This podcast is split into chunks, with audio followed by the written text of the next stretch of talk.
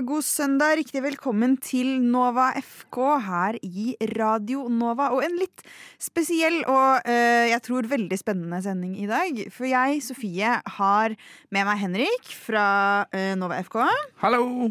I tillegg så har vi fått besøk av Eller besøk Uh, Ærefull gjesteopptreden, tror jeg vi kaller det. Fra Iselin og Chris fra lobbyen her på Radio Nova. Hello, hello. Hei, hei, hei. Hvordan er det for dere å være her så sykt tidlig på en søndag?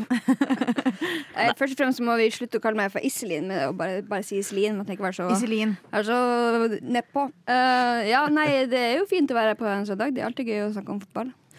Jeg er jo litt fyllesyk, eh, som man alltid er. Det er sånn trope å si det på en søndag, men eh, nei da, jeg kom meg, kom meg hit, så det går bra, det. Jeg er ikke fyllesyk, Wow. Men jeg drakk heller ikke alkohol. da Nei, det, det hjelper jo, da. Det hjelper på. ja, når du ikke drikker alkohol. Mm. Bare beklager for min dialekt. eh, På Lillehammer så sier vi Iselin. Da er Jeg har vært veldig mye på Lillehammer. Ingen har kalt meg det der. Men det går fint. Det, du skal få lov til det. Du skal få være Iselin Ja, uh, takk. framover. Og grunnen til at dere er her i dag, da, er fordi vi skal prate litt om eh, skeivhet i fotballen. For lobbyen er jo Radio Nova sitt eget eh, program eh, av, for, med eh, skeivhet. Vil dere Hvordan presenterer dere programmet deres, egentlig?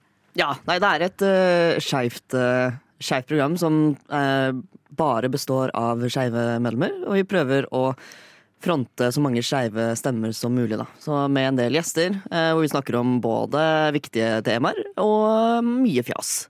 Så det er et program for å nå ut til de som nettopp har funnet ut at de er skeive, de som ønsker å ha litt mer skeivt inn i monitor, og så vet vi også at det er noen foreldre som, eh, som hører på. Og ikke bare våre foreldre, men eh, foreldre Oi. til skeive. Nice! Mm. Det, ja, det er jo vårt mål også. Vi prøver å tiltrekke oss mammaer og pappaer som liker fotball. um, men ja, dere er jo her i dag fordi uh, vi skal snakke litt om holdninger til det å være skeiv i fotballen. Både hvordan det er på tribuner, på banen, eh, både i grasrotfotballen og hvordan dette spiller seg ut i større eventer og f.eks. da store internasjonale mesterskap i eh, nyrike, eh, homofiendtlige oljestater. Eh, for å ta et sånt vilt eksempel, på en måte. Bare, Ja, hvorfor tenkte du på akkurat det? Jeg eh, vet ikke, jeg vet ikke. Eh, men jeg tror det blir uh, veldig veldig hyggelig å uh, ha dere her. Eh, vi skal kicke det i gang med litt musikk, da. Og vi skal høre Rio Romeo og Fuck It. Radio nå. Vi kan jo på en måte starte med en liten reise til Qatar. Eh, fordi det sikkert hadde gått kjempebra med alle oss fire eh, hvis vi dro til eh, Qatar. Eh, vi tar det herfra i studio i Norge, men eh, Qatar-VM var jo på en måte en, nesten en slags oppvisning i ting som går litt eh, feil vei i fotballen. Eh, også altså, på mange områder, men eh, også når det kommer til eh, holdningene til skeive, som vi snakker om i dag. Eh, du har eh, veldig peiling på det her, Henrik. Du, du boikotta jo VM, men du hadde jo noen grunner til det. Ja, jeg fronta ganske hardt boikottlinja mot Qatar, fordi jeg mener at eh, VM i Qatar representerer alt som er gærent med fotballen, og alt som er gærent med verden på én og samme tid. Eh, Og hvis ikke man setter en strek ved VM i Qatar, så fins det egentlig ikke en strek for hva man tolererer. Og et eller annet sted føler jeg den grensa må gå. Og for min del så gikk den i alle fall eh, eh, Den gikk i alle fall ved Qatar. Og i dag skal vi jo snakke mest om LGBTQ pluss og skeivhet i fotballen, men det er jo bare så vi får nevnt det, så var det jo veldig mye annet med eh, Qatar som var eh, ille. Kanskje først og fremst de eh, minimum 6500 døde arbeiderne, og det er et minimumstall, det må vi huske. Eh, pluss selvfølgelig kvinner som er underlagt mannlige verger. Eh, du har selvfølgelig all korrupsjonen. Du har eh, ja, Fifa, deres opptreden. Du har Ja, det er, det, er, det er mye å ta av, da, for å si det sånn. Og så har du selvfølgelig dette med, med holdninger til homofile og ulike typer skeivhet, hvor du kan eh, bli straffa med bøter, syv års fengsel eller ja eller død hvis du virkelig har eh, trådd over noen eh, grenser. Så det er jo eh, Det er god stemning. Ja. Men fotballverden prøvde jo å markere litt, da. Ja, man gjorde det. De hadde jo disse regnbuearmbåndene som eh, egentlig er Fifa-godkjent, og som har vært en kampanje som Fifa har drevet med tidligere gjennom høsten og gjennom andre type landskamper. Men plutselig, når eh, disse skulle tas fram i Qatar, da var det ikke lov.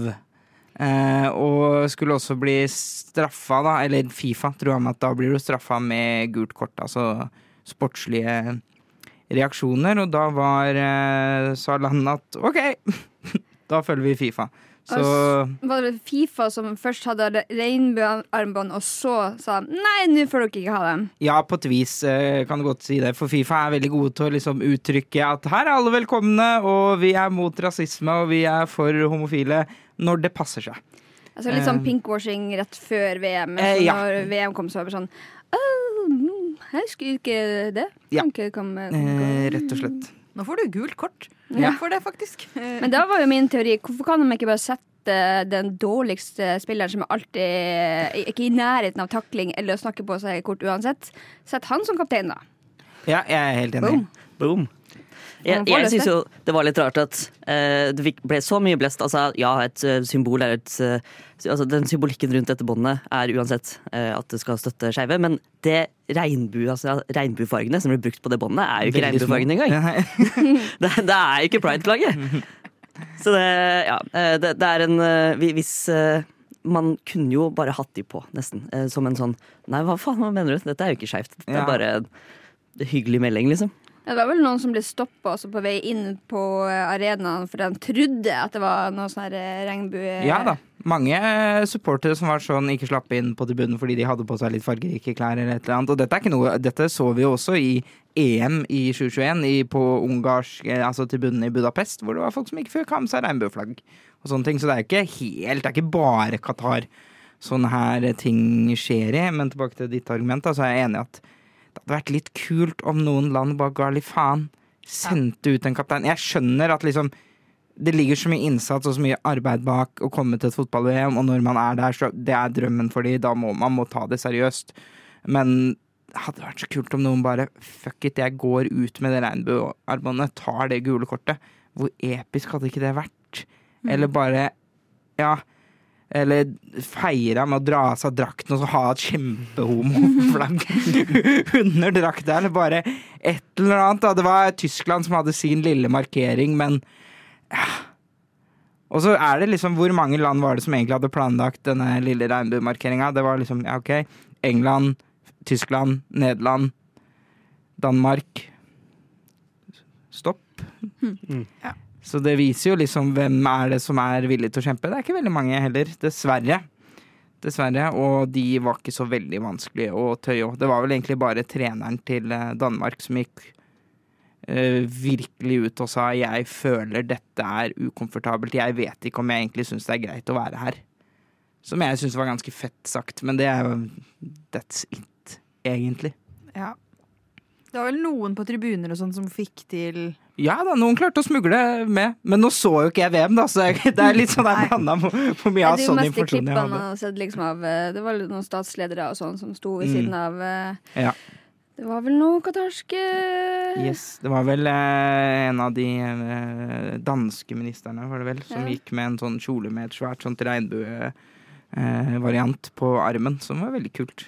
Og de tør de jo ikke ta, for da blir det jo plutselig veldig vanskelige diplomatiske situasjoner. Ja. Eh, så det setter man jo eh, veldig regler pris gjelder på. bare fattigfolk. Det fant vi ut senest når Cristiano Ronaldo plutselig kunne bo med sin eh, ikke-kone i Ja. Saudi-Arabia. Yes. Så det er litt sånn Spørs hvem som eh, bryter reglene. Og så eh, syns jeg jo jeg ble, jo jeg ble jo glad for å se at det var såpass lite stemning rundt VM her i Norge, i hvert fall kontra et vanlig VM. Ja. Samtidig så er, fikk jeg litt følelsen av sånn, ja, gi folk brød og sirkus og holde folk kjeft. At altså, motstanden var jo der, men med en gang VM var i gang, så fulgte jo folk med, og det var liksom Det var særlig når Saudi-Arabia slo, eh, eh, slo Argentina, så var liksom forsiden til NRK var Sensasjon! Saudi-Arabia slår Argentina! Og så var det en sånn liten notis oppi høyre hjørne. Sånn 15 henvendelser i Saudi-Arabia i dag. Fader. På grunn av at de vant mot Argentina. Det syns jeg er hardt. Det synes jeg er hardt, liksom. Ja, ja. Jeg kjenner ikke reglene der. det. Det var den argentinske startelveren øh, og fire trenere. Ja, så det Jeg er glad vi er ferdig Jeg er veldig glad vi er ferdig med VM, for å være helt ærlig. For det har tatt på. For- For min del så har det liksom uh, vært sånn uh, Et helt sånt brekningspunkt for hva, hva, hva man tåler, og hvordan man kan akseptere, og hva man revurderer sine interesser. da. Mm. Og kan man virkelig være med og følge fotball? Kan man støtte dette her? Og så er det jo, hvis det blir VM i Saudi-Arabia i 2030, som det fort kan bli, Som det så fort kan bli. får vi jo hele denne runden en gang til, og alt som er ille i Qatar, det er enda litt verre i Saudi-Arabia. Så ja. Ja. Akkurat, det, akkurat eh, i Qatar er ikke stemninga så god, og, men jeg syns det er fint at vi, vi tar det opp, og at vi presenterer det. Og vi må nesten Man må jo liksom Ja. Det er det jeg har, eh, som har vært så van og jeg skjønner at det er vanskelig for de store mediene som har dekket det. Fordi jeg, jeg, syns oppriktig at NRK og tidvis TV 2 har vært ganske gode eh, på måten de har dekket det, men det blir liksom så tullete når det er sånn der Woho, se på Messi her, hey, hey. Og så er det sånn å, 16 000 drepte arbeidere. altså eh, Ja, det blir liksom vanskelig å å kose seg, og da blir det liksom for dumt for min del. Da. Men jeg, jeg vet ikke. Det er, det er vanskelig. Og man kan liksom ikke dømme for hardt de som fulgte med og, og syntes det var gøy heller, for det er jo tross alt ikke de som hender etter homofile. Gjennomgangen til faktisk.no også viste at eh, dekningen eh, på den kritiske siden i Qatar den eh, gikk ganske fort nedover Ja. eh, gjennom VM. Yes. Men Gi dette- folk brød og sirkus. Dette er jo ikke et isolert eh, Qatar-problem, eh, og vi skal snart videre, men aller først litt Bomilly. Lyssna istället till Radio Nova. Vi fortsetter med eh, sendingen vår om eh, alt som handler om det å være skeiv i fotballverden, med gjester fra lobbyen, eh, Radio Nova-programmet om nettopp den type ting. Minus fotball, for det er oss! Vi snakker aldri om baller der. Nei, definitivt. uh, definitivt aldri. Uh, vi har vært litt innom eh, Qatar-VM, som også er en, en av grunnene til at vi prater om nettopp det her i dag. Fordi det måtte jo dessverre altså Det ble jo dessverre et stort tema, og vi har snakket litt om hvordan det ble håndtert der. Men det er klart, dette er ikke Altså Vanskelighetene med å være skeiv i fotballverden er ikke isolert inne i det lille landet Qatar. Ei heller inne i Midtøsten eller inne i eh, toppsjiktet i Fifa. Nei, det er ikke det. Man eh, kan vel oppleve at eh, fotballmiljøet på mange måter henger litt bak. Altså, det går framover der òg, men det henger litt bak resten av samfunnet. Jeg liker å si at ja, i hvert fall herrefotballen i Norge på sånn grasrotnivå er ca. ti år bak resten av samfunnet. Sånn sirkus. Ja. Det, det er min følelse av det. Og det har skjedd mye på ti år. Ja, det, definitivt. Ja, ja, definitivt. Det går jo framover. Ja, absolutt. Uh, vet ikke, Chris, hva tenker du? uh, ja, nei, selv så eh, Jeg spilte fotball som liten Uh, ganske mye. Syns det var dritgøy. Og vi eh, Jeg spilte jo på et eh, eh, guttelag, eller blanda lag, da, eh, som, som, som liten. Hvor det på en måte egentlig eh, Guttene forsto ikke at de som var ikke-gutter, på en måte ikke var gutter. Hvis de var på laget. Så da var det en veldig sånn bare ja, OK, vi skal snakke om jenter. Eh, det gir mening. Eh, men så fort jeg skulle spille for et eh, jentelag eh, i en alder av ti år, så var det plutselig eh, ekstremt eh, mye egentlig liksom transfobi eh, som jeg opplevde da. Eh, I det ti år gamle jentemiljøet. Hvor eh, hvis du hadde litt for kort hår, så fikk du beskjed om å flytte deg til guttegarderoben og spille på et av guttelagene i stedet. Men Oi, dere, det var snakka om jenter på det gutt, eller mikslaget før dere var ti. Det syns jeg er litt spesielt. Veldig sånn Ja, gutta! Så Så tidlig krøka jeg er fra Fredrikstad. Ja. Det er sånn det blir da, vet du. For så vidt enig i det. Jeg har også spilt fotball i alle år. Jeg er veldig gammel. Så jeg er her for at jeg er gammel, stort sett. eh, Først og fremst. Jeg er 36 år, beklager det. Um, nei, så var det jo sånn Jeg var jo veldig god, da. Ja. Så eh, da var det jo veldig I motsetning til meg. det vet jeg ikke.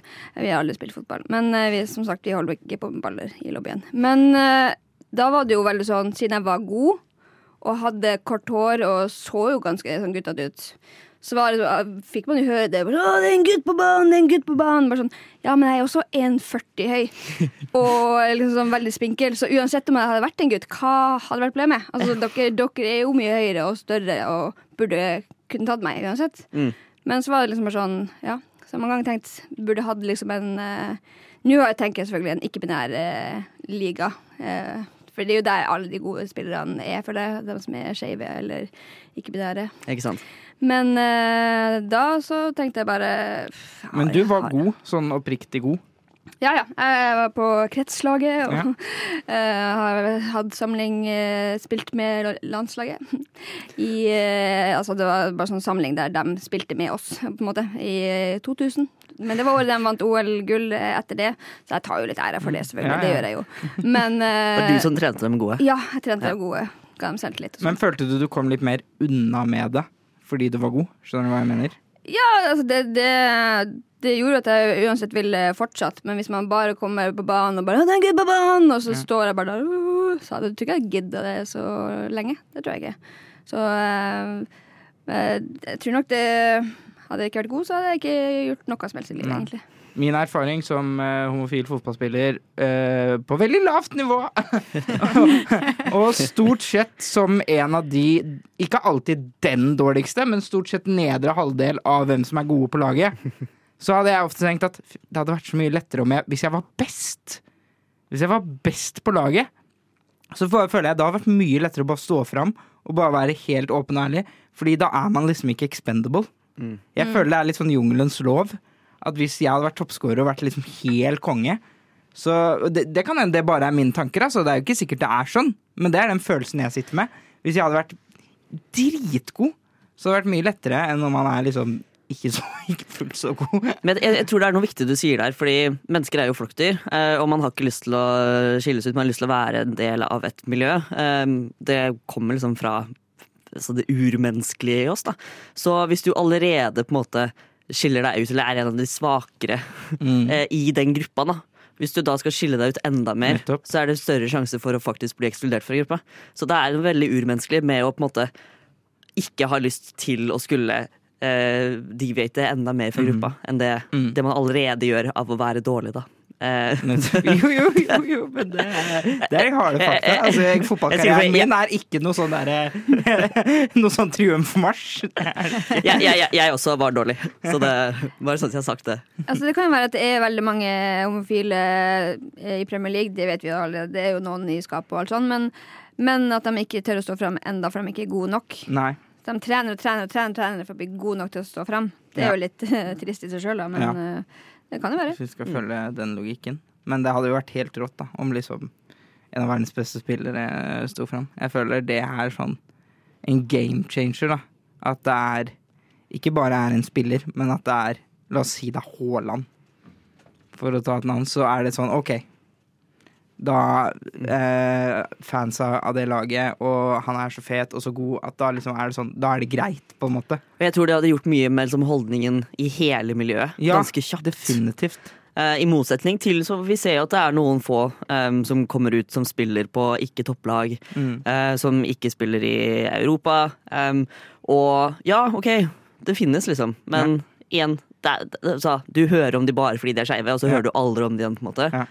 Har, de har ikke noe navn innenfor fotballen, så de har ikke noen påvirkningskraft på lik måte heller. Nei. Det hadde vært ganske rått at hvis eh, liksom, Haaland er ferdig med det Qatar-styrte la, laget sitt, så kunne det vært litt sånn OK, nå har jeg fått de pengene. Forresten er jeg skeiv, så fuck alle dere, liksom. Det Ja. Ja, det er Hater. Qatar. Det er sant.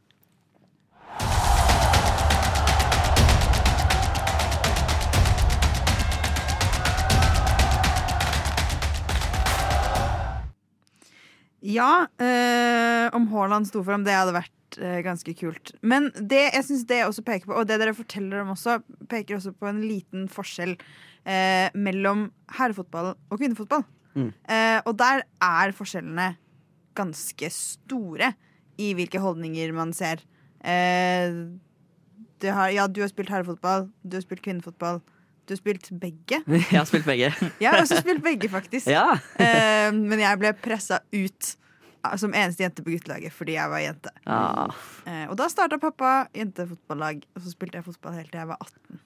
Oi. Han er en ekte champion. Real, real stand. Vi starta også et eh, fotballag i Bergen med da syvåringer. Og så hadde vi første kampen, og så kom jeg på Vi har glemt å lære dem hva innkast er. Så når det var innkast, så var det litt sånn eh, Ja. Eh, de vet ikke hva de skal gjøre. Eh, og så sa de at de skal kaste inn, og de visste jo ikke hvordan de skulle gjøre det. Og jeg var dommer i den kampen, så jeg sa til de her eh, foreldrene bare sånn Du, vi har glemt å lære dem innkast. Går det greit at de bare kaster litt som de vil? De bare ja, ja, ja. Altså, syvåringer. Apropos, apropos Åh. innkast, jeg lærte aldri innkast. Så jeg, jeg kan ikke ta innkast. Det er, det er min altså, apropos å være dårlig, det er min største svakhet. Jeg kan ikke ta innkast, fordi jeg begynte ikke med fotball før jeg gikk i åttende klasse. Å. Så jeg var aldri på den treninga når man var syv og lærte innkast. Ja, det, Den fikk jo tydeligvis ikke alle, da, uansett. Ja. Når det, men det er også litt det, det er egentlig derfor jeg er her også i Nova FK i dag, er for å snakke om feilkast. Mm. Det er så mye feilkast. Jeg roper feilkast i TV-en. Jeg roper feilkast når jeg har spilt fotball når mitt eget lag kaster feil. Jeg er veldig motstander av å kaste feilkast. Jeg føler det oftere blir dømt feilkast på lavere nivå enn på toppnivå. Ja, det, det er du helt rett i. Ja, og det, jeg skulle ønske de var litt chillere der òg. Særlig for meg, som er såpass elendig til å ta innkast. Men trenger du å ta innkast, da? Nei, jeg spiller alltid ganske sentralt i banen. Og hvis jeg spiller wing, så er jeg alltid sånn Bekken tar det! Bekken tar det! Jeg, jeg skal ikke ta innkast! Jeg tar ikke innkast! Ferdig snakka. Da Radionova spilte mot Universitas, så drev jeg og dømte drev og skreik feilkast hver gang Universitas kasta feil. Eh, Det? eh, nei. Men Og ble bare apropos på regnbuealbum. Eh, laget mitt, eh, OSI 4 Øy. Vi eh, spiller med regnbuekapteinspill. Mm. Det er. Det er ganske kult, syns jeg. Det får meg til å føle meg litt, eh, litt bedre. Var det du som innførte det?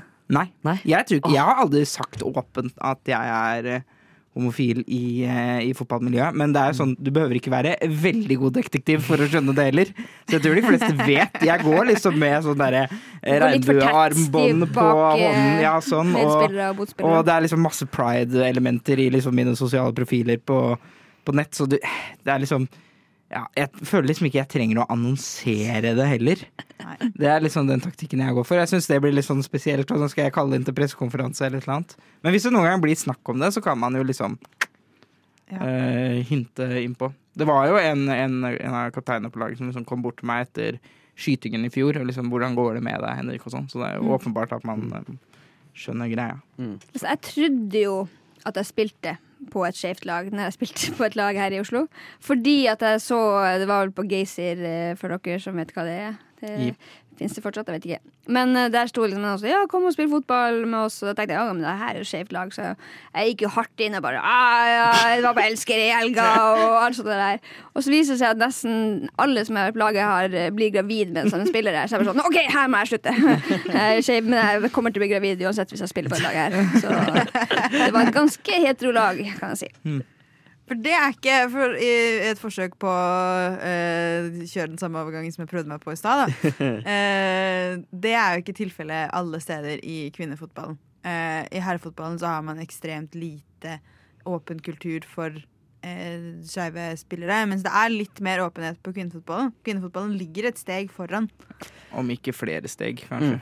Og det ser vi eh, både i fotballen, i andre idretter eh, og generelt i samfunnet ellers også. At aksepten rundt homofile kvinner er større enn homofile menn. Ja. Eh, og det har noe med eh, hvordan denne, altså denne der frykten for at man skal miste maskuliniteten sin maskulinitet, på en måte blir sett på som idealet for mange. At eh, det å være uh, maskulin i dette samfunnet er en så positiv uh, sak. Da. Sånn at uh, hvis du på en eller annen måte gjør noe, eller er noe, som ser ut til å redusere din andel maskulinitet, så vil det sette deg i et negativt lys. Da.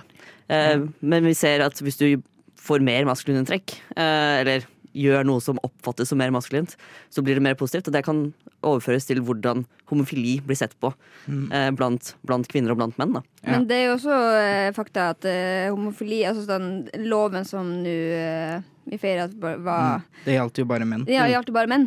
For kvinner Så- hadde ikke seksualitet, Nei, nei. Og da er, det liksom, da er det jo også mer sånn her Å ja, lesbiske damer, ja ja, som You klasker you. eh, tepper sammen, eller hva man kaller det. Det, det beklager jeg. Det er det jeg alltid har kalt det. Ja. Eh, ja, det var jo det min eh, da ekskone fikk høre da vi ble sammen. Bare, 'Har du begynt å klaske mus?' Sånn, det, er sånn det er ingen som klasker nå. Nei, bare starta å åpne og lukke gardinene veldig fort. Ja, Begynte å spise roastbiff veldig ofte. Ja. Men, eh, men eh, Så det jeg tror kan jo ha noe med det å gjøre òg. Bare sånn, ja, damer Ja. ja. har liksom sex, liksom. Menn bare å, skinkeryttere! Og det er liksom veldig mye hardere. Det er Bare sånn, nei, det er mange som ikke driver med det heller. Og mange aseksuelle homofile. Det fins. Så det betyr ikke at uh, sjøl om man er homofil, at man driver på med seksuell aktivitet, seksuell aktivitet i det hele tatt. Så ja, nei. Det er, eh, det er, situasjonen er bedre i, i kvinnefotballen. Der er det flere som er eh, åpne skeive, og det er en hel kultur rundt, eh, rundt skeivhet og Eller lesbiske eh, og, og fotball. Um, som um, det blir, det blir feiret i større grad. Altså, det, det er på en måte vanskelig å skulle liksom, sette pris sette pris på eh, Sette nøyaktige ord på hva det er som gjør at eh, at, at det er så mye bedre for, for kvinner. Men eh, det er Og spesielt da i fotballen. Men, men det handler om em, generelle samfunnstendenser som vi ser eh, andre steder også, og som gjenspeiler seg i, i, i de forskjellige delene av samfunnet som, som, som mennesker eksisterer sammen.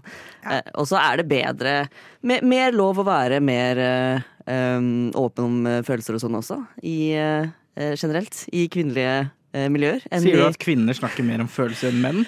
er det Wow. kontroversiell tanke? Fake news. Fake news. Så rett og slett mer, eh, mer, mer åpenhet eh, for å kunne snakke om ting som er både vanskelig og fint. Og, ja. Eh, det, det gjør det lettere. Gjør det lettere. Og det er klart, Har man et lag hvor du først har to spillere som er ute, da, eller tre, så har alle måttet ta et standpunkt. Er jeg OK med det her? Er jeg av en eller annen dum grunn ikke OK med det her? Eh, men det å liksom skulle være den første i en gruppe mennesker, det må jo være vanskelig uansett. Det er Det må jo være vanskelig kvinner, menn uansett. Men, Ja, ja. eh, Og det, der igjen så kan vi jo se tilbake på det jeg sa om liksom dette urmennesket og det å skille seg ut. ikke sant? Eh, For det, vi ser det blant annet her på, på Nova, hvor vi har slitt med å rekruttere uh, ikke-hvite uh, til radiokanalen. Uh, fordi det er jævlig vanskelig å være den første, eller en av de første. Eh, Så det å skulle gå inn som en utenforstående, eh, eller ikke nødvendigvis utenforstående, men en person som eh, blir ansett som annerledes, så setter du deg med en gang i en mye mer sårbar posisjon. Apropos søk eh, Radio Nova. Søknadsfristen går ut eh, eh, 5. februar, og du er selvfølgelig velkommen her uansett eh, hvem du er.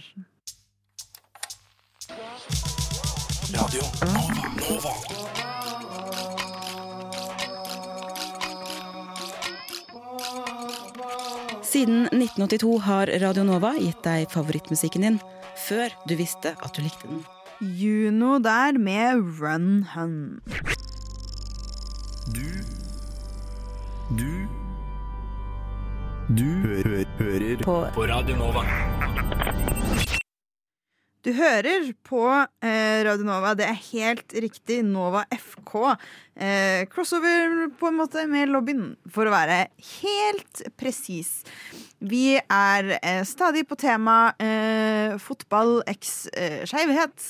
Eh, snakket litt om ja, litt hva slags holdninger både dere har blitt møtt med, hva slags holdninger man ser på stor skala, på liten skala. Men det jeg da eh, blir litt eh, nysgjerrig på å høre mer om, er jo OK, men hva er så de faktiske konsekvensene av det her, da? Hva har det å si at eh, Qatar gjør det dritt å være skeiv fordi de banner regnbuearmbånd og straffer spillere som har det på seg. Hva har det å si at tribunekultur eller garderobekulturen for det ikke er så bra alle steder?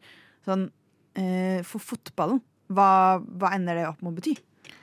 Jeg tror det støter en del fra seg. Eh, dessverre. Jeg merker jo selv at jeg er ved et punkt hvor jeg syns det er vanskeligere og vanskeligere å engasjere meg i topp internasjonal fotball. Eh, når man ser at de største lagene, de største profilene, eies og drives av eh, ja, land og stater som systematisk bryter menneskerettigheter og slike ting, og man ser at liksom ja, skeives liv og skeiv identitet blir ikke respektert, eller blir liksom, ja ja, ikke tatt på alvor. Eh, sånn syns jeg er vanskelig. Samtidig så blir jeg mer og mer glad for å se at i mitt kjære Vålerenga er det mer og mer aksept. I norsk fotball blir det mer og mer åpenhet rundt det. Det er store pride-markeringer hvert år.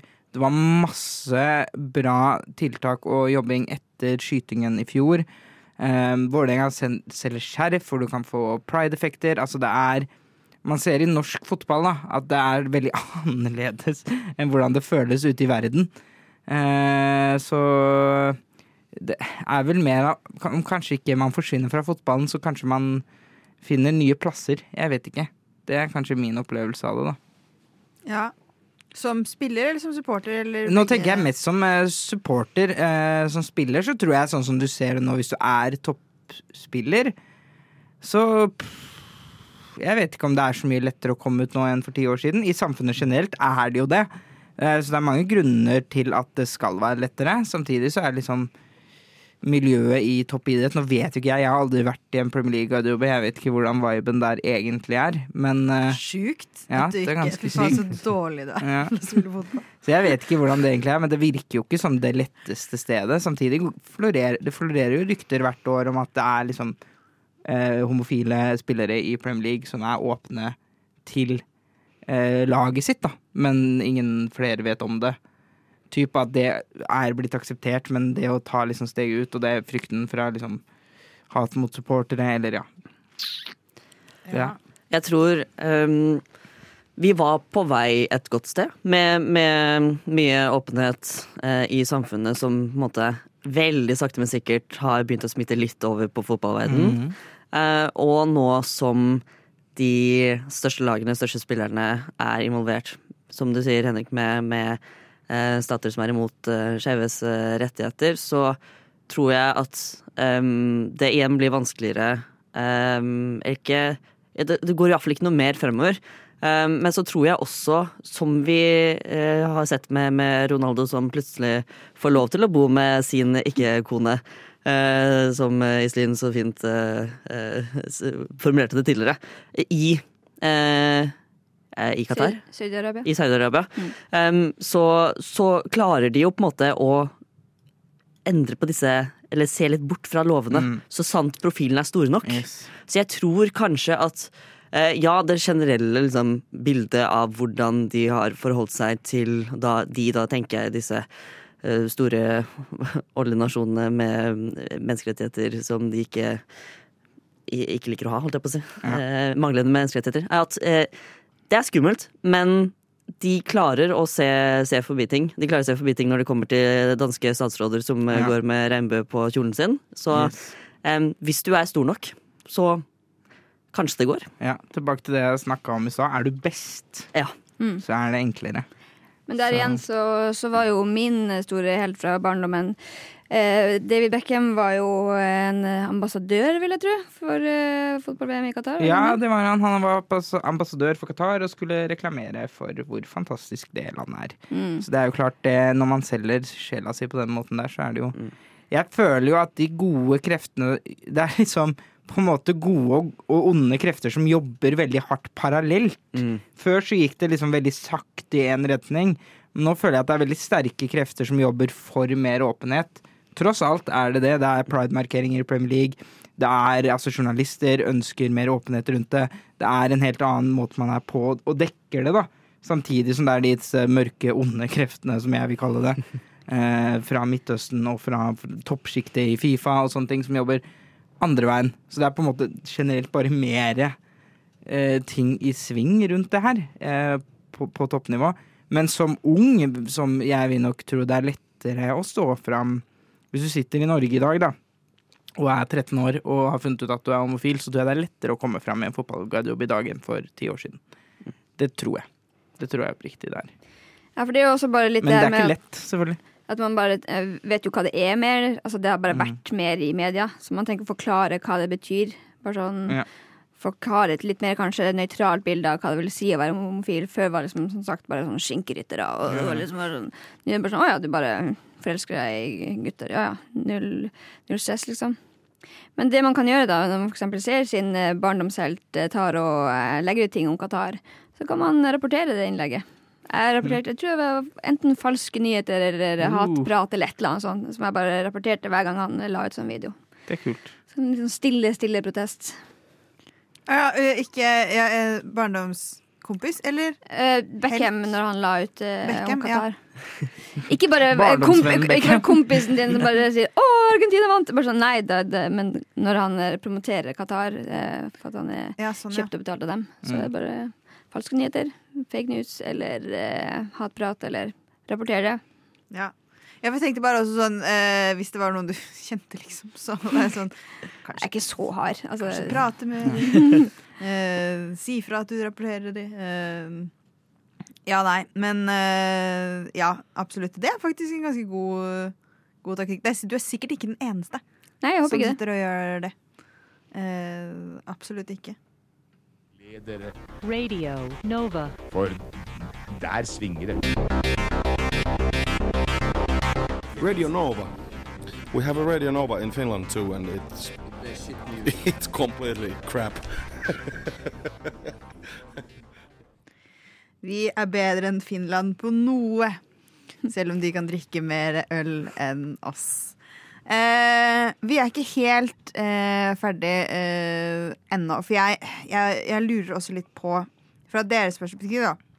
Nå har jeg kanskje ikke på en måte sagt det eksplisitt, men sånn jeg er den eneste som ikke er eh, skeiv. Eh, Gratulerer. Kondolerer. Eller kondolerer. Hvordan fant du ut det? eh, Hvor gammel var du da du fant det ut? Og når sto du fram? Sto du fram nå? Eh, jeg, jeg sto fram nå. Ja. Eh, jeg har liksom jeg har egentlig bygget meg opp hele sendingen til å si dette. Eh, Glad du sparte til slutten, for det var Ja, for meg. nå meg. Ja. jeg klarer ikke å ja. fokusere på annet. Nei. nei, jeg vet det. Eh, jeg vet det. Jeg skal Hadde du litt for mange baller i lufta til å si det før? Hello. Ja, hva meg? Aldri. Ehm, men ja, fra deres eh, eh, perspektiv, da. Vi har jo egentlig vært innom det flere ganger nå. Sånn eh, hvilken vei går det? Hvilke tendenser ser vi? Men sånn, hvordan ser dere for dere at dette faktisk kommer til å gå? Fordi nå har vi snakket litt om eh, at sånn, ja, det er kanskje lettere for unge i dag eh, enn det var for ti år siden, eksempel. Kanskje lettere for dagens 13-åringer enn det var for deg da du spilte fotball som 13-åring, Henrik. Men samtidig, for å være litt sånn pessimisten her, da. Eh, på toppnivå, på liksom Fifa-nivå, eh, så går det ikke bare riktig vei. Nei, jeg syns jo ikke det, da. Det ligger an til at det kan bli VM i Saudi-Arabia i 2030, og de største, ja Hvis vi tar de fire største profilene i fotballverdenen akkurat nå Messi, han spiller for Paris, som blir sponsa og eies av Qatar, og han er ambassadør for Saudi-Arabia. Eh, Cristiano Ronaldo spiller i nettopp eh, Saudi-Arabia for lønnen sin derfra. Eh, vår egen Erling Braut Haaland, som vi er kjempestolt av, og som vi aldri tør å stille kritiske spørsmål til. Eh, vi gjorde det én gang, og så svarte han surt på det, og så har vi ikke turt å gjort det siden. Han eh, blir også kjøpt og betalt av eh, Emiratene, og så har du også gullgutten Kylian Mbappé, som også eh, blir betalt av Qatar. Så du har både de, liksom, de to største som har vært de siste 15 årene, og de to største som kommer til å være de neste 10-15 årene. Eh, som har liksom Som er ansatte av store sportsvaskingsprosjekter. Og jeg tror den smitteeffekten det har på liksom eh, unge, kanskje litt uvitende, og så må vi liksom vi må se litt bort ifra Norge òg, fordi det er noe annet å være ung fotballsupporter i England eh, og i resten av verden enn det er i Norge. Man er kanskje litt mindre opplyst. Man, ikke for å være slem mot dem, men det er kanskje litt sånn det er. Og den smitteeffekten det har når de promoterer det de proterer via via, det tror jeg ikke er så bra. Du ser jo det bare etter Newcastle ble kjøpt opp av Saudi-Arabia, hvor mange Newcastle-supportere som går med sånne hvite sånne saudi-arabiske outfits Ah, på tribunen, liksom. Det er jo bare beviset på at eh, På at sportsvarsling fungerer. Og hvis du går ut mot en Hvis du går på Twitter da, og, og sier et eller annet uh, på, hvis, La oss si du er journalist, da, og så sier du et eller annet dumt om Saudi-Arabia. Så får du masse anonyme kontoer av Newcastle-fans som går inn og forsvarer Saudi-Arabia med nebb og klør, liksom, fordi det, du skal ikke kødde med klubben min, liksom. Og det er samme, og det er liksom de tinga der syns jeg er eh, mørkt. Så Newcastle-supportere som er blitt liksom nasjonalpatriotiske til Saudi-Arabia. Ja, litt av- sånn. Og så er jo det selvfølgelig ikke alle, men jeg tror det er nok til at det funker for eh, Saudi-Arabias del. De har liksom Ja. kjøpt seg en liten hær oppe i Nordøst-England. Oh my god. Men det er jo også litt jeg tenker at eh, hvis flere tør å stå fram i ung alder og bare er allerede åpen om det fra før av, så eh, kanskje mindre sannsynlig at de går inn i skapet igjen hvis de blir profesjonell spiller. Det er et godt poeng. Så eh, det må jo bare få alle ut først, og så blir det vanskelig da. Ja, altså, da er det jo så vanlig for dem at de kanskje ikke tenker at de skal inn i skapet igjen hvis de plutselig skal spille i Saudi-Arabia da, eller andre er plasser. Ja.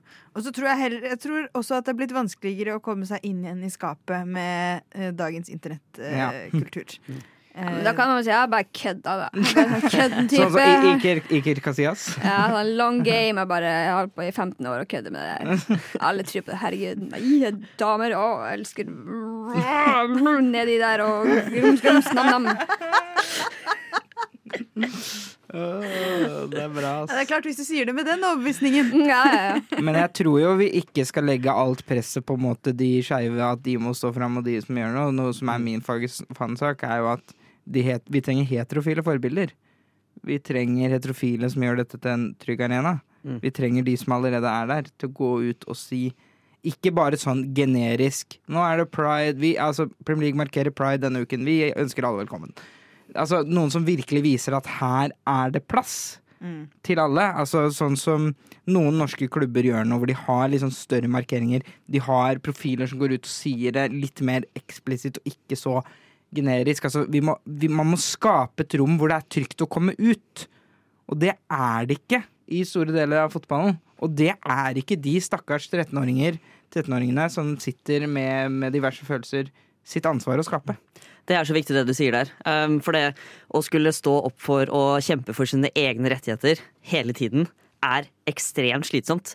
Spesielt når man møter mye, mye motstand og eh, utfordringer. Så det å ha Altså, det er snakk om du som trener gutter tolv. Eh, det er snakk om du som er eh, også liksom landslagstrener. Det er du som er eh, far til en eh, jente 15 eller gutt 7 eller altså Eller mor, men altså Det er alle de heterofile forbildene som på en eller annen måte er involvert med fotballen. da. Enten på eller av eller eh, etter banen.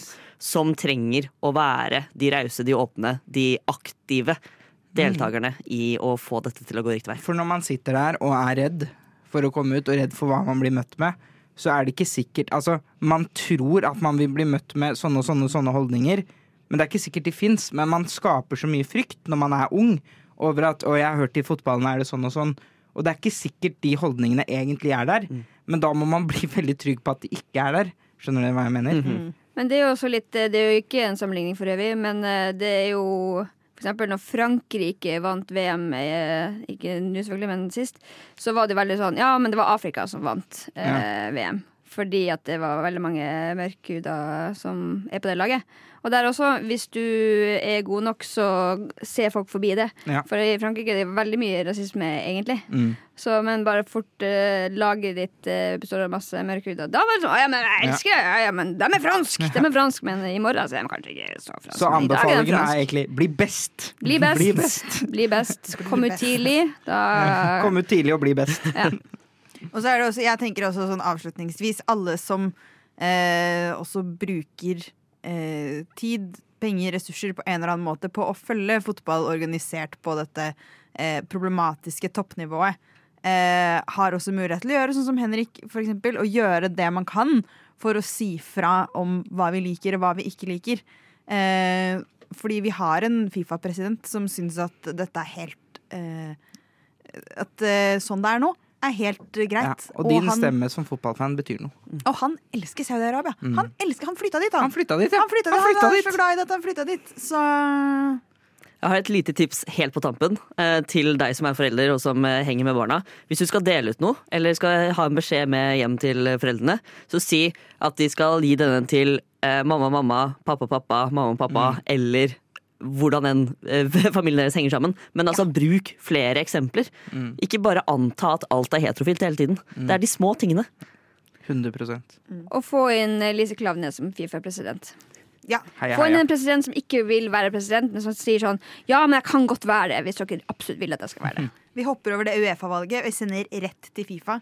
Og så skipper vi Infantines ut. Det er min store drøm, faktisk.